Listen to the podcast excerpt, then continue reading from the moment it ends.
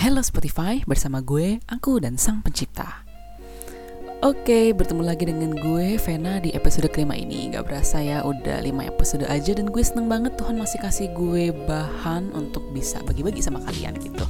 Ngomong-ngomongnya kalian sadar gak sih kalau di negara kita ini lagi banyak simpang siur kasus-kasus gitu kayak kasus perselingkuhan, pembulian, atau ada beberapa orang yang hmm, gue lihat di TikTok gitu ya mereka memberikan pendapat mereka tapi malah dihujat gitu. Dan tanpa kita sadari ya kita tuh sering banget nunjukin jari kita ke mereka dan bilang parah banget sih mereka nih gak boleh tahu kayak gitu. Ih berdosa banget jadi mereka. Ada juga yang bilang ih najis banget sih amit-amit deh kalau misalkan gue punya temen kayak mereka.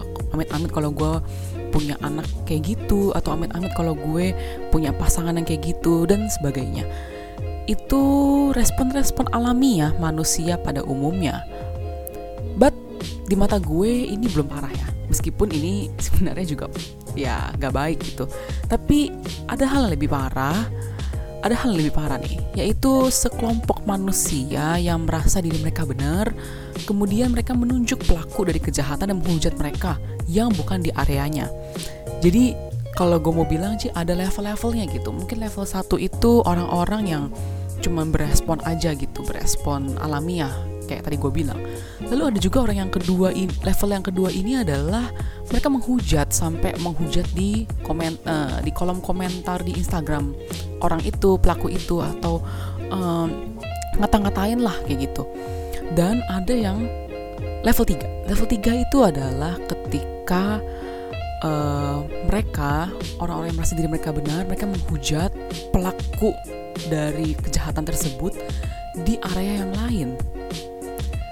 Misalkan gini ya gue uh, belakangan ini ngeliat di TikTok orang orang-orang yang uh, ada ada orang yang memberikan pendapat mereka uh, mengenai sesuatu hal gitu ya. Dan orang banyak yang nggak setuju dan akhirnya orang hujat mereka. Akhirnya orang orang-orang menghujat dia. Dan sampai-sampai hujatannya itu nyampe ke area lain yaitu ke body shaming. Lah gue bingung gitu kenapa ini hujatannya jadi ke body shaming gitu? Karena karena waktu itu permasalahannya adalah hmm, tentang suku dan agama. Tapi ini sampai bawa ke body shaming. Gue bingung gitu apa hubungannya fisik dengan suku dan agama gitu?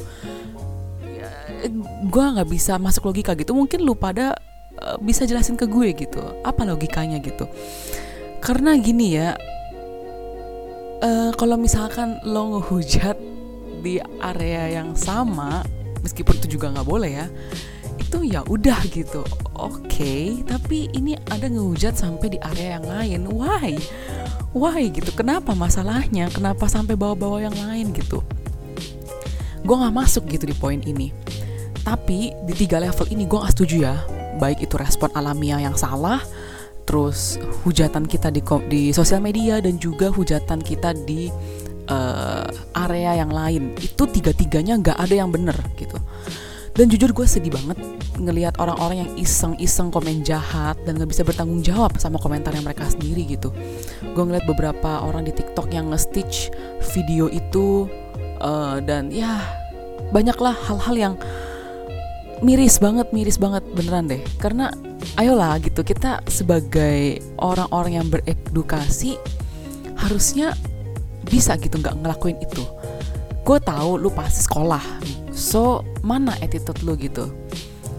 Nih gue agak ini ya gue agak terbawa nih gue agak terbawa karena gue tuh bener-bener miris aja gitu ngeliat orang-orang yang ya begitulah ya nih ya lo sembarangan ngomong tapi lo sebenarnya nggak tahu gitu perasaan orang yang lo hujat gitu. Kayak misalkan orang yang selingkuh. Gue percaya kok orang-orang yang selingkuh pelaku-pelaku kejahatan itu sekarang mereka juga lagi menyesali gitu uh, tindakan mereka. Gak usah lo sok-sok nasihatin gak usah lo hujat-hujat mereka mereka juga udah ngerti gitu gak ada gunanya juga lo hujat-hujat mereka gitu. Buat apa? Buat kesenangan batin lo buat kesenangan jiwa lo gak ada gunanya gitu buat lo malah yang ada lo rugi gitu. Dan di sini bukannya gue ngebela mereka gue bukannya ngebela pihak-pihak yang udah melakukan kejahatan. Gue tahu mereka salah I know that point. Tapi bukan berarti lo sembarang nunjuk-nunjuk mereka hakimin mereka dan hujat-hujat mereka. Sadar kita harus sadar. Dan ya gue pengen ingetin juga kita semua ya di muka bumi ini tuh nggak pernah luput dari dosa dan kejahatan. Harus inget meskipun gini ya orang-orang yang selingkuh orang-orang yang ngelakuin kejahatan itu mereka karena ketahuan aja. Kalau nggak ketahuan juga bakal kelihatan suci kan? Sama kayak kita. Kita kalau ngelakuin kejahatan kalau nggak ketahuan tetap kelihatan suci. Kalau ketahuan baru kelihatan busuknya. Sama aja kok kita kita dengan pelaku pelaku kejahatan itu sama. Sama-sama berdosa. Jadi nggak ada nggak ada haknya untuk kita menghakimi nggak ada haknya kita untuk menunjuk mereka. Apalagi nih ya banyak banget orang-orang yang nunjuk dan menghakimi orang-orang LGBT ini bener-bener bikin gua apa ya kayak sedih juga gitu. Mereka menghakimi LGBT kayak istighfar lalu uh, tobat lah tobat. Ayo Tuhan udah mau datang segala macem. Uh, pokoknya banyak lah kayak penghakiman-penghakiman yang datang dari mulut-mulut orang-orang yang merasa dirinya benar gitu. Padahal uh, kita yang menghakimi juga sama-sama salah gitu. Tapi itu ya masih menjadi kelemahan semua orang sih.